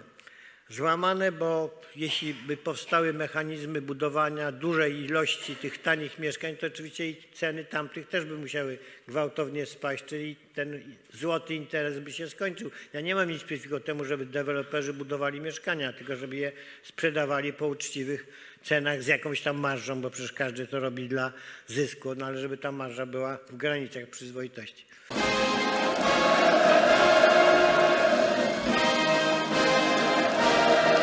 No i znów Jarosław Kaczyński o czymś mówi, ale my nie wiemy tak naprawdę o czym, bo mówi tak. Nie udało się stworzyć mechanizmu umożliwiającego budowę tanich mieszkań na wielką skalę. Jakby pan chciał stworzyć taki mechanizm, panie prezesie? Ja jestem bardzo ciekaw. Bo Jarosław Kaczyński rzeczywiście przywołuje tam przykłady krajów, gdzie przy niższych dochodach e, niż dzisiaj w Polsce mieszkań się budowało więcej ale budowało się więcej, bo co? To może warto się przyjrzeć tym przykładom, sprawdzić na przykład, czy tutaj nie zagrały jakieś kwestie ograniczeń instytucjonalnych, ograniczeń w przepisach, bo może o to tutaj chodzi, a nie o jakiś układ. Ale słowo układ jest kluczowe. Ja nie wiem, czy Państwo pamiętają, ale kiedy PiS przegrał wybory w 2007 roku, to próbował je wtedy wygrać, mówiąc właśnie o układzie. To było takie słowo klucz, że trzeba rozbić układ. Ono potem jeszcze wracało też w kolejnych wyborach parlamentarnych. Układ. Jest jakiś układ i trzeba go rozbić. I ten tajemniczy układ, mm, w którym jeszcze, to też tutaj warto zauważyć, bo to jest też charakterystyczne, Jarosław Kaczyński sugeruje, że to jakieś osoby z poprzedniego systemu w tym układzie siedzą mm, że ten układ coś blokuje, prawda? I trzeba ten układ rozbić. No, panie prezesie, przepraszam, ale wy rządzicie od siedmiu lat. To chyba było wystarczająco dużo czasu, żeby wszystkie układy porozbijać. Macie e, dużą kontrolę nad sądownictwem, macie prokuraturę, e, macie, mieliście większość w Sejmie, no teraz nie macie, ale w zasadzie to macie nadal, ale mieliście bezwzględną większość w jednym, e, w pierwszej kadencji. Mm, macie swojego prezydenta, no co wam przeszkadzało rozbić ten układ, prawda? No jak on jest taki potężny, że sobie nie możecie poradzić z tym rzekomym układem deweloperskim? Jarosław Kaczyński nie musi nie mieć racji, kiedy mówi o tym, że jak się takie mechanizmy różne i takie układy zaczynały, że tam wchodzili ludzie z jakiegoś dawnego rozdania, być może również ze służb, to mogło tak być. Ale na Boga, 89 rok był 33 lata temu. Wy rządzicie od 7 lat jak długo można zwalać tego typu kwestie na jakieś układy? Y, jesteście tak nieudolni, że przez 7 lat, przez prawie dwie kadencje własnych rządów nie byliście w stanie nic z tym zrobić, więc może przyczyny jednak są w czymś innym. Może by się należało przyjrzeć na przykład przepisom, które y, obowiązują przy podejmowaniu tego typu inwestycji. Ale tam jeszcze jest parę kuriozalnych elementów. Na przykład Jarosław Kaczyński mówi: Ogromne ceny mieszkań nie mające nic wspólnego z cenami budowy. A co Jarosław Kaczyński wie na temat cen budowy mieszkania i kosztów budowy mieszkania? Kiedy Jarosław Kaczyński na przykład interesował się, jak dzisiaj wyglądają ceny drewna, ceny stali, wszystkich tych materiałów, które są potrzebne do budowy domu czy budowy budynku mieszkalnego? Bo mam wrażenie, że Jarosław Kaczyński nie zdaje sobie sprawy z tego, z jaką rzeczywistością cenową, finansową mamy dzisiaj na rynku do czynienia. No i wreszcie tu najciekawsze stwierdzenie, e, kiedy Jarosław Kaczyński mówi, że on rozumie przecież, że deweloperzy no, mają budować mieszkania dla zysku, ale powinni je sprzedawać za uczciwą cenę i z marżą w granicach przyzwoitości. No i teraz można się zastanowić, co to jest uczciwa cena i marża w granicach przyzwoitości i kto będzie je ustalał. Więc ja myślę, proszę Państwa, że powinien powstać Narodowy Komitet do Spraw Cen Mieszkań i Marsz. A może nawet, żeby było lepiej, dwa komitety, bo wtedy będzie można dwa razy więcej towarzyszy umieścić w każdym komitecie. Więc zrobimy Narodowy Komitet do Spraw Uczciwych Cen Mieszkań i drugi Narodowy Komitet do Spraw Marsz w granicach przyzwoitości. Podsumowując y, tę opowieść Jarosława Kaczyńskiego, już trochę to zresztą zrobiłem, z którą on jeździ po kraju, on, premier, mm, inni członkowie PiS. Plan jest taki, żeby dotrzeć do każdego powiatu, a potem też do każdej gminy, tak mówi Jarosław Kaczyński.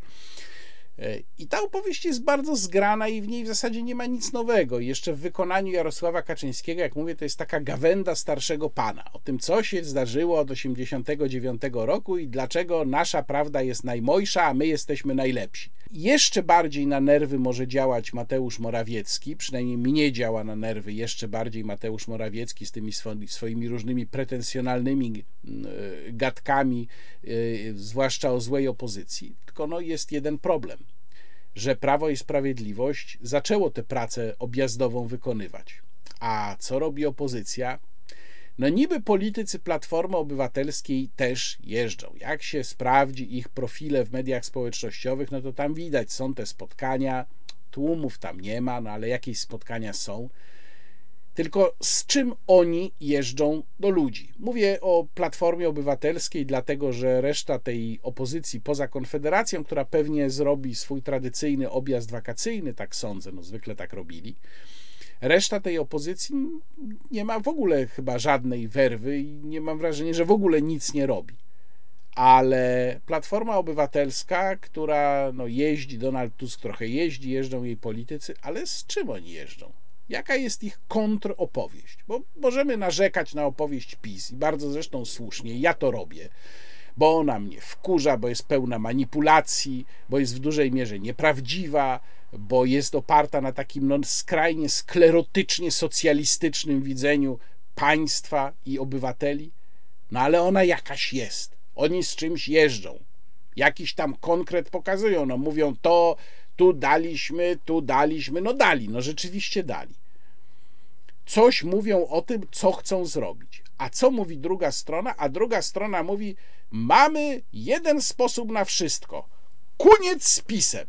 No to jeżeli na tym druga strona zamierza opierać swoją kampanię wyborczą przed wyborami 2023 roku, to ja życzę naprawdę powodzenia.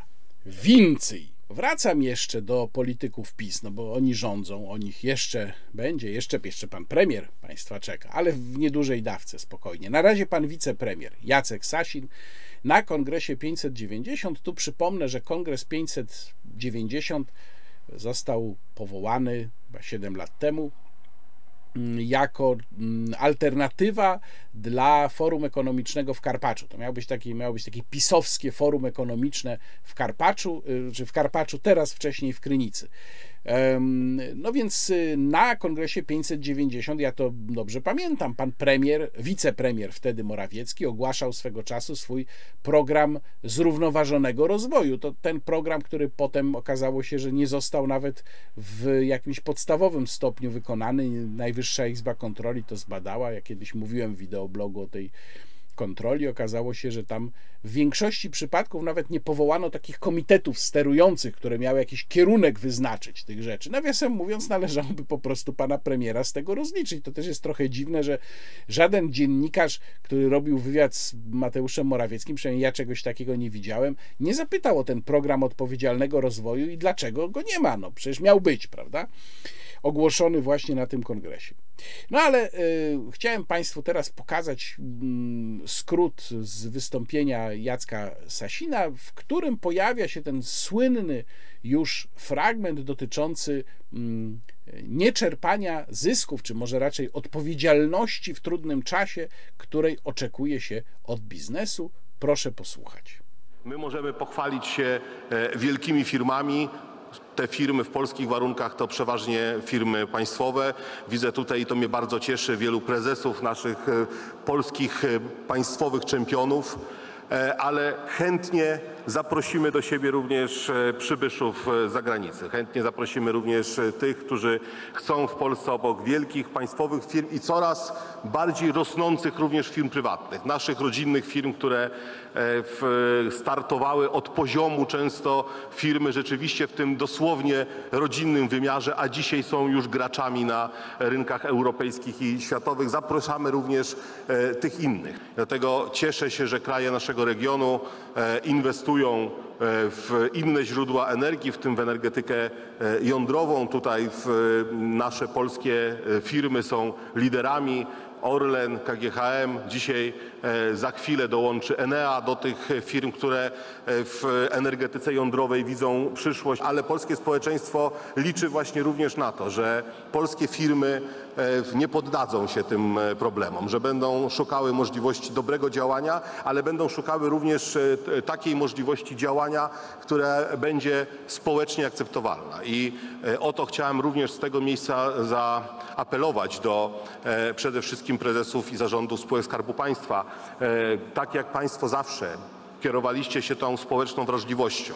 Zawsze, kiedy trzeba było stanąć do pomocy. Tak było, kiedy w trakcie epidemii koronawirusa trzeba było wesprzeć działania państwa chroniące zdrowie i życie Polaków. Wtedy spółki Skarbu Państwa były na pierwszej linii frontu. Wtedy e, podejmowały produkcję, która przecież nie była e, ich właściwą produkcją. Podejmowały produkcję płynu dezynfekującego, podejmowały produkcję maseczek wtedy, kiedy brakowało wszystkiego, szczególnie w tym pierwszym e, okresie. Spółki Skarbu Państwa były pośrednikami w zakupie tych jakże poszukiwanych wtedy w wymiarze globalnym produktów, produktów, które powtarzam jeszcze raz, ratowały zdrowie i życie Polaków.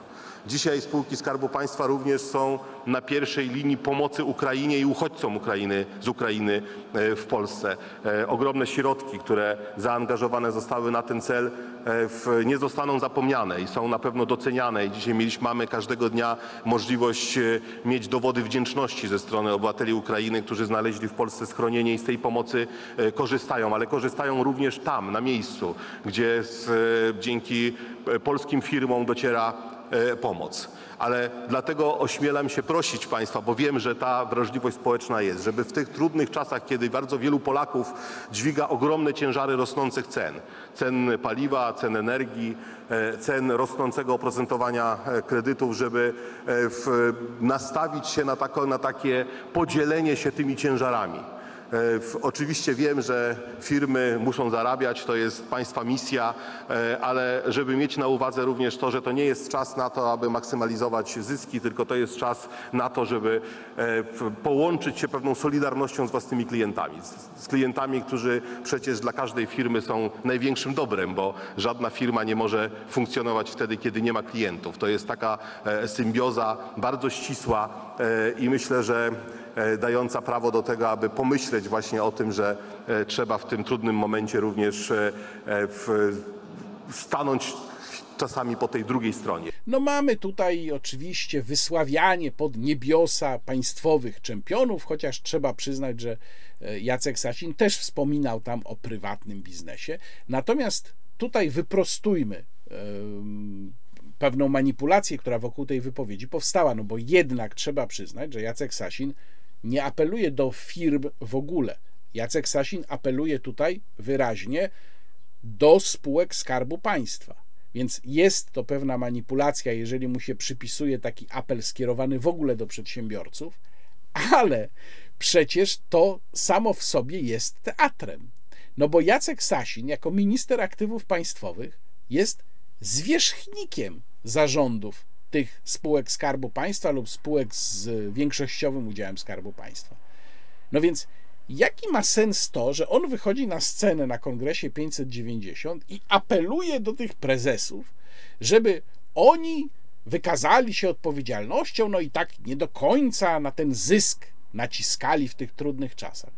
No przecież on jest ich szefem. On może takiego Obajtka, czy tam innego Chludzińskiego, no, KGHM akurat nie sprzedaje obywatelom, więc to może ma mniejsze znaczenie, poprosić na dywanik i powiedzieć, no ma być tak i tak.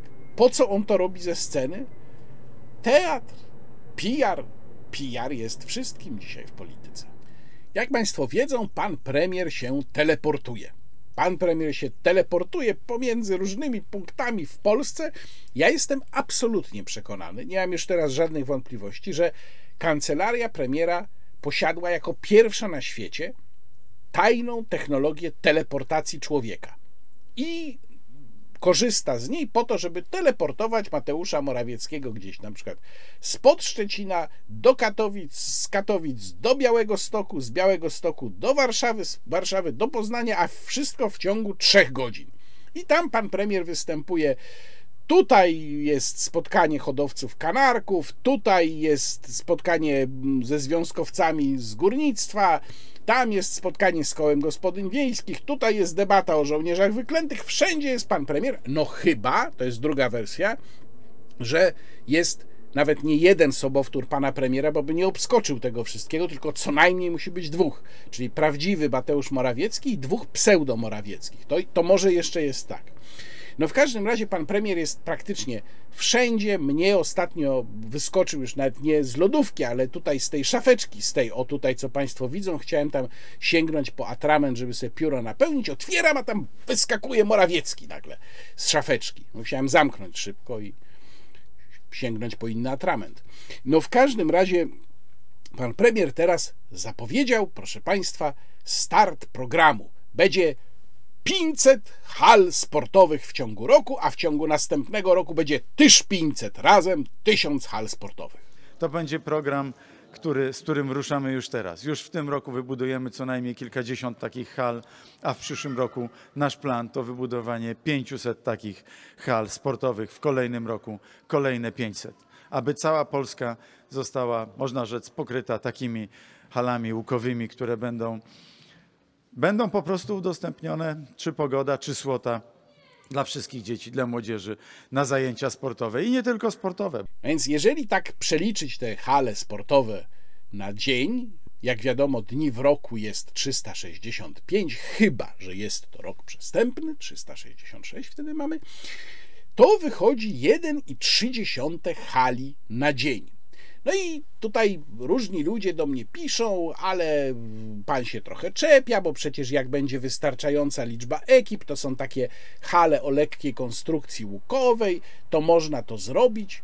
No, być może technicznie można by, tylko wydaje mi się, że takiej hali nie można sobie od tak postawić, tylko trzeba jednak zebrać dokumenty, musi być ewentualnie plan zagospodarowania przestrzennego, wszystkie pozwolenia środowiskowe, więc postawienie 500 hal w ciągu roku wydaje mi się, mówiąc najdelikatniej, równie prawdopodobne jak ten milion samochodów elektrycznych albo sukces mizery tego polskiego samochodu elektrycznego. Tylko, że okazuje się, że cała ta wypowiedź pana premiera jest po prostu jedną wielką manipulacją, bo ja sobie spojrzałem, jak ten program budowy wygląda. On jest opisany na stronach kancelarii premiera. No więc on wygląda po prostu tak, że to nie jest taki program, że przyjedzie ekipa, którą zakontraktuje tam, nie wiem, jakieś ministerstwo i postawi halę łukową. Tylko to jest program dopłat dla samorządów do 70% kosztów postawienia takiej hali. Czyli tak naprawdę to samorządy muszą wystartować z tym programem, złożyć wniosek o to dofinansowanie, no i wtedy może dostaną te 70%. No czyli Samorząd musi w czasie głębokiego kryzysu, kiedy brakuje na wszystko, musiałby zebrać się, wyłożyć 30% własnych środków, żeby dostać to dofinansowanie rządowe. No to ja już widzę, jak powstaje te 500 hal rocznie, razem 1000. A skoro jesteśmy przy panu premierze Morawieckim, to Chciałem Państwa odesłać do mojego tekstu na onet.pl, w którym zająłem się um, jednym z podcastów, przedostatnim podcastem pana premiera. To był podcast przed długim czerwcowym weekendem, w którym pan premier poruszył dwie kwestie. Te podcasty nie są długie, ten miał tam chyba 11 czy 12 minut. To chciałem Państwu e, przedstawić skrót z tego podcastu. Proszę posłuchać. KPO to w znacznej mierze środki grantowe dla Polski. Takie jak środki unijne, które świetnie znamy. Ich celem jest podniesienie poziomu rozwoju, innowacyjności i dobrobytu Polski. Tak, abyśmy mogli na różnych polach konkurować z wysoko rozwiniętymi krajami, takimi jak Niemcy, Francja czy Belgia. Z tego powodu powtarzam często, że Krajowy Plan Odbudowy to nasz nowy plan Marszala. Kamienie milowe, czyli wskaźniki albo inaczej cele, to procedura, która dotyczy wszystkich krajów przystępujących do Krajowego Planu Odbudowy. A niektórzy mówią o tym tak, jakby podobnych kamieni milowych, czyli tych wskaźników, nie mieli na przykład Hiszpanie, Włosi, Portugalczycy czy Niemcy. To powiedziawszy, chciałbym tu krok po kroku odpowiedzieć na parę co i róż stawianych zarzutów. Pierwszy fake news brzmi: KPO oznacza wprowadzenie opłaty samochodowej. Ja chcę tu otwarcie to zdementować. Nie będzie żadnych dodatkowych opłat samochodowych. Nie mamy takich planów. Odpowiadamy na ten wskaźnik w taki sposób, że będziemy premiować samochody niskoemisyjne. Drugi fake news wokół kamieni milowych, czyli tych wskaźników, to to, że trzeba będzie wprowadzić opłaty na drogach ekspresowych. A ja mówię, że żaden właściciel samochodu osobowego nie dopłaci ani złotówki. Opłaty na drogach ekspresowych dotyczyć będą tylko samochodów ciężarowych. Jest taka scena, w której bohater grany przez Toma Cruza spotyka się ze starym admirałem. Ten drugi mówi do Toma Cruza, że czas odwagi i honoru w armii już się kończy, że za chwilę nie będzie potrzeba pilotów, bo ludzi zastąpią drony. Drony się nie mylą, drony nie myślą. Tom Cruise spogląda na admirała, uśmiecha się i mówi, że może takie czasy nadejdą, ale jeszcze nie dziś. Kiedy myślałem o tej scenie, to nie mogłem zapomnieć o Ukrainie. Ostatnio pisałem o tym we Frankfurter Allgemeine Zeitung, gdzie krytykowałem Henry'ego Kissingera. Gdyby sprawę wolności Ukrainy oddać w ręce sztucznej inteligencji, która potrafi tylko kalkulować zyski i straty, to pewnie, tak jak proponuje Kissinger, ta inteligencja już siedziałaby przy stole z Putinem i negocjowała, jaką część Ukrainy oddać Rosji. Na szczęście Ukraińcy nie kalkulowali, bo dla nich wolność nie ma ceny jest wartością, która nie podlega negocjacjom. Na szczęście, wbrew wszelkim prognozom, masowo chwycili za broń i odparli ten pierwszy atak rosyjskich barbarzyńców. Ktoś taki jak Kissinger powiedziałby pewnie, że zachowali się zbyt brawurowo i nierozsądnie, a ja mówię, że po prostu zachowali się tak jak trzeba. W Top Gun też jest to napięcie między tymi, którzy są wierni procedurom, a tymi, którzy ufają swojej intuicji. I to właśnie intuicja prowadzi do największych aktów odwagi, bo intuicja nie kalkuluje. Głos intuicji to głos dobra, zdolność działania poza schematami. Mamy tutaj wątek KPO. Pan premier uparcie twierdzi, że to, co się mówi o KPO, to są fake newsy. No otóż to nie są fake newsy. I ja to już mówiłem wielokrotnie. To nie są żadne fake newsy. Pan premier po prostu kłamie, nazywając fake newsem to, co jest zapisane wprost w warunkach polskiego KPO. Ja pokazywałem Państwu fragmenty, dokładnie zrzuty ekranu z dokumentu, gdzie jest wprost napisane po angielsku i nie da się tego inaczej przetłumaczyć, że ma być uchwalony akt prawny wprowadzający podatek od samochodów spalinowych i wprowadzający dodatkową opłatę rejestracyjną od samochodów spalinowych. Tego się po prostu ani nie da inaczej przetłumaczyć, ani się tego nie da inaczej zinterpretować. I teraz, jeżeli Mateusz Morawiecki mówi, nie mamy takich planów, to cóż on nam mówi tak naprawdę? On nam nie mówi, że tego nie ma w KPO. On nam mówi, że rząd nie ma takich planów, no ale może będzie miał takie plany za rok, bo się okaże, że jak tego nie zrobi, co jest tam zapisane, to nie będzie kasy, proszę Państwa. Więc to, co premier mówi na temat tych najgłośniejszych kwestii w KPO, to jest właśnie manipulacja. Nawiasem mówiąc, warto zauważyć, że my do tej pory nie mamy wyjaśnień dotyczących kształtu KPO. Nie wiemy, powtórzę to, dlaczego negocjował to wszystko jeden minister, chociaż zakres tego był olbrzymi. Nie wiemy, które warunki zostały narzucone przez Komisję Europejską, a które zostały zaproponowane przez nasz własny, wspaniały rząd przez naszą władzuchnę. Rząd tego nam po prostu nie wyjaśnił. Natomiast znacznie gorsza jest ta druga część, w której pan premier opowiada o sprawie, o, o filmie e, Top Gun Maverick i odnosi to nagle do Ukrainy, bo jemu, tak jak Jasiowi się z D wszystko kojarzyło, to panu premierowi się wszystko kojarzy z Ukrainą. To jest naprawdę kuriozalny wywód. Po pierwsze, w ogóle kuriozalne jest takie myślenie, czy taki, taki sposób, taka narracja, taka opowieść, że można odnosić hollywoodzką fantazję do realnego rządzenia państwem i że to może być w ogóle jakikolwiek, jakikolwiek wzór dla e, myślenia w kategoriach państwa, jego interesu, mm, jego dobra, e, jego strategii. Ale dalej pan premier po prostu fałszuje rzeczywistość.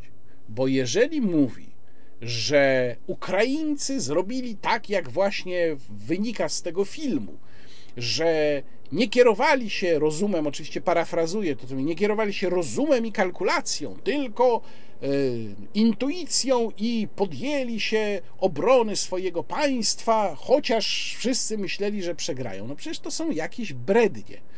Ukraińcy właśnie zrobili dokładnie odwrotnie. Ukraina wyciągnęła wnioski z 2014 roku, podjęła współpracę, bardzo głęboką współpracę militarną z Zachodem, przede wszystkim z Amerykanami. Jej armia, jej wojsko zostało przeszkolone właśnie przez zachodnich żołnierzy, przede wszystkim przez Stany Zjednoczone, przyjęło nowoczesne metody działania i to okazało się skuteczne w pierwszej fazie wojny. To nie była kwestia jakiejś szaleńczej odwagi, brawury i tego, że Ukraińcy się postanowili bronić zamiast się poddać. Zresztą nie mieli nawet takiej możliwości, ponieważ Rosja po prostu nie przedstawiła żadnych postulatów i nie było żadnych negocjacji. Więc y, co Ukraińcy mogli zrobić? No tylko mogli się bronić, prawda? E, ale przede wszystkim to, jaki był rezultat tych pierwszych tygodni wojny, to nie była kwestia, jak twierdzi Mateusz Morawiecki, jakiegoś zrywu, tylko to była wręcz przeciwnie kwestia dokładnego przygotowania i przewidywania tego, co się może zdarzyć za kilka lat.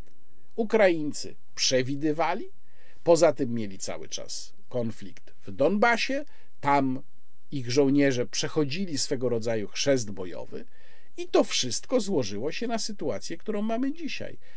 Ale nawet dzisiaj musimy przyznać, już o tym trochę wcześniej mówiłem, że w momencie, kiedy Rosjanie się, e, że tak powiem, przegrupowali, e, Ukraińcy zaczęli jednak przegrywać. No w Donbasie Ukraina po prostu przegrywa, więc tutaj żadne szaleństwo, nie tylko szaleństwo, ale nawet przygotowanie się nic nie pomaga, jeżeli mamy do czynienia po prostu z taką no, masą, w tym wypadku masą artylerii, masą żołnierza, jaką dysponuje Rosja. Powstaje pytanie, po co Mateusz Morawiecki wciska te bzdury swoim słuchaczom? Po co wygłasza tę apologię intuicji w kontraście do kalkulacji? Tam się chwali, że zjechał Kissingera. Czy on tego nie rozumie że mówi nieprawdę? Oczywiście, że rozumie. Przecież Mateusz Morawiecki nie jest głupi. Ale to jest próba maskowania własnych błędów. To jest próba wciśnięcia słuchaczom w głowy takiego myślenia, że jeżeli ktoś e, krytykuje, nawołuje do tego, żeby się zatrzymać, przemyśleć, przekalkulować i przeliczyć, to jest zły. Bo dobrzy są ci, co zakładają kosy na sztorc i tam idą bezmyślnie na wroga z tymi kosami. I tylko oni się liczą i oni są prawdziwymi patriotami.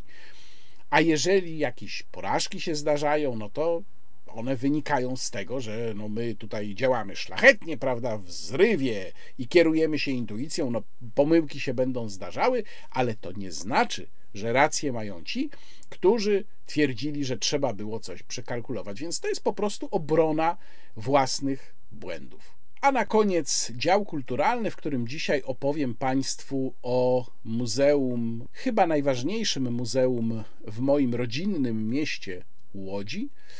e, które to muzeum no, odwiedzałem nieraz, ale dopiero co odwiedziłem je na świeżo. Mówię o Centralnym Muzeum Włókiennictwa, które mieści się w tak zwanej białej fabryce, jednym z najpiękniejszych estetycznie kompleksów fabrycznych w Łodzi. To jest dawna fabryka Ludwika Gejera, która była budowana w latach 1835-86. Oczywiście nie była budowana przez cały czas. Chodzi o to, że w różnych okresach do 1886 roku dobudowywano poszczególne elementy, ale 1835 rok to zwracam Państwa uwagę, jest wczesny okres rozwoju przemysłowej Łodzi, czyli jest to jeden z najwcześniejszych takich dużych budynków fabrycznych w moim mieście. Natomiast y, Centralne Muzeum Włókiennictwa przeszło w ostatnim czasie głęboką przemianę, jeżeli chodzi o główną wystawę przede wszystkim. Główna wystawa nosi teraz tytuł Miasto, Moda, Maszyna została mocno przearanżowana w stosunku do tego, jak wyglądała poprzednio, i bardzo ją Państwu serdecznie polecam, jeżeli chcą Państwo poznać historię włókiennictwa, ale też przede wszystkim historię łodzi. Na parterze tej wystawy zobaczymy dużo maszyn włókienniczych, które tam zresztą wcześniej też stały w tej pierwotnej mm, wersji y, wystawy. Te maszyny włókiennicze to jest część maszyna i to wszystko jest zaaranżowane, te maszyny włókiennicze są zaaranżowane w taki, no powiedziałbym, bardziej żywy obraz, to znaczy wszystko to wygląda trochę tak, jak taka hala, z której dopiero co wyszli mm, robotnicy. Jest tam nawet e, pokój szefa zmiany w jednym miejscu urządzony. Pierwsze piętro to jest część miasto i to jest opowieść o Łodzi, to jest opowieść o Łodzi tej z XIX wieku, o jej mieszkańcach, to jest opowieść o Łodzi, również tej powojennej, o tym, jakie były plany, jak na przykład miało wyglądać otoczenie Placu Wolności, plany, z których wiele nie zostało zrealizowanych, albo zostały zrealizowane w skromniejszej postaci, niestety, a może na szczęście. I na końcu tej wystawy znajdą Państwo y, aranżację, która mówi o wydarzeniu bardzo mało znanym. To jest dosyć dziwna sprawa, bo była to największa demonstracja, największy protest w PRL-u. Mówię o tak zwanym Marszu Głodowym Włókniarek z 1981 roku z lipca. E, to było gigantyczne wydarzenie, w którym wzięło udział, e, no, szacunki są oczywiście nieoficjalne, ale prawdopodobnie co najmniej kilkadziesiąt tysięcy osób, i to głównie były kobiety, w tym kobiety e, z dziećmi, co pewnie też spowodowało, że reakcja służb była, no właściwie jej nie było. I ten marsz przeszedł bez żadnych problemów. Inna sprawa, że był to czas Solidarności. E, jak Państwo spojrzą na tej instalacji, jak jest, jakie teksty są na plakatach, na e, transparentach, e, które były niesione, no to one są, można powiedzieć, dowcipne, ale to pokazuje, jak rozpaczliwa była wówczas sytuacja robotników, nie tylko w Łodzi zresztą, pracowników przemysłu tekstylnego, którzy się czuli, nawiasem mówiąc, pokrzywdzeni ewidentnie, mm, czuli się pokrzywdzeni na przykład w stosunku do tego, jak byli traktowani górnicy. I wreszcie trzecie piętro to jest część moda, i tam Państwo mogą zobaczyć e, wytwory tekstylne, e, nie tylko zresztą z Łodzi, ale głównie z Łodzi, jeszcze sięgające nawet lat 50. Ja muszę powiedzieć, że zwiedzając tę część, byłem nawet zaskoczony tym, jak dużo ciekawych projektów i bardzo dobrze dzisiaj wyglądających powstawało w latach 60. czy 70., może stosunkowo mało w 80., ale ta moda z lat 60. czy 70. dzisiaj wygląda naprawdę szykownie. I powiem szczerze, że w porównaniu z tym, co się często dzisiaj nosi, no to wygląda moim zdaniem nieraz lepiej. Poza głównym budynkiem e, znajdą Państwo jeszcze w Centralnym Muzeum Włókiennictwa taką niewielką e, halę, gdzie stoją maszyny Krosna pochodzące w większości z początków XX wieku, być może niektóre są jeszcze z końca XIX wieku, i one są co pół godziny włączane przez pracownika muzeum, no to wtedy można stojąc tam wyobrazić sobie, jaki był huk hali, gdzie takich y, krosien było mm, no nie tak jak tam chyba jest 8 albo 6, już nie pamiętam, tylko powiedzmy 100 kilkadziesiąt. Y, jest też przestrzeń wystaw czasowych, a bardzo ciekawy jest mini skansen, y, który również jest na terenie tego kompleksu i gdzie przeniesiono budynki z różnych miejsc Łodzi i w tych budynkach opowiedziane są historie mieszkańców miasta. W każdym budynku znajdą Państwo kilka historii, i z tego, co powiedzieli mi pracownicy muzeum, część tych historii jest całkowicie autentyczna. Część pewnie jest przynajmniej w, jakiejś, w jakimś zakresie wymyślona i jest kompilacją losów różnych łodzian, ale nazwiska, zasadnicze fakty się zgadzają. Zgromadzono tam, zaaranżowano tam pomieszczenia, gdzie są przedmioty, które ilustrują sposób życia tych ludzi. To jest y, i początek XX wieku, jeszcze XIX wiek jest początek XX wieku, czasy przedwojenne, czasy powojenne. Bardzo interesujące muzeum, zwłaszcza w tej nowej postaci. Ono w ciągu ostatnich lat no naprawdę nabrało kolorów. Dzisiaj to jest moim zdaniem muzeum absolutnie na światowym poziomie, bardzo interesujące, choć może mało multimedialne, ale nawet bym nie przywiązywał do tego specjalnej wagi. Dobrze się je zwiedza. Jeżeli będą Państwo w Łodzi, to bardzo serdecznie polecam właśnie Centralne Muzeum Włókiennictwa. I jeszcze drugi e, temat kulturalny. Chciałbym Państwu polecić tekst Łukasza Czartowskiego w magazynie Kontra, w którym również moje felietony co środę Państwo e, znajdą, w internetowym magazynie Kontra. E, tekst mówi o chorale gregoriańskim i znajdą Państwo również pod tekstem, ale link także w opisie mm, filmu, informacje o kursie chorału gregoriańskiego. Jest to chyba pierwsza taka impreza w Polsce Convivium Gregorianum, który będzie miał miejsce e, między 17 a 23 lipca we Wrocławiu. Mm, pełna informacja pod linkiem, który również zamieszczam w opisie filmu. Chorał gregoriański, z którego no, wywodzi się, jeżeli nie cała, to bardzo duża część zachodniej muzyki. Chorał, który ma zbliżyć i słuchaczy, i wykonawców do Boga, do nieba. E, chorał, który pozwala się skupić, który sprzyja pewnego rodzaju medytacji polecam Państwu. Ja e, mam kilka płyt z chorałem gregoriańskim i jeżeli na przykład będą Państwo w Tyńcu, ja bardzo lubię jeździć, zahaczać o Tyniec, kiedy jestem w Krakowie, jeżeli będą Państwo w Tyńcu, to tam w księgarni w opactwie tynieckim jest duży wybór e, płyt z chorałem gregoriańskim, ponieważ nagrywa go między innymi z hola benedyktynów tynieckich właśnie. To tyle ode mnie tym razem. Bardzo miło mi było się z Państwem spotkać. Jeszcze raz dziękuję za wszystkie Państwa subskrypcje, za wszystkie polubienia, za wszystkie komentarze. Namawiam, żeby subskrybować i komentować, a przede wszystkim i bardzo gorąco dziękuję za wsparcie, którego Państwo udzielacie temu kanałowi tutaj poprzez mechanizm YouTube i poprzez zrzutka.pl. Bardzo dziękuję raz jeszcze. Kłaniam się. Łukasz Warzecha i do zobaczenia.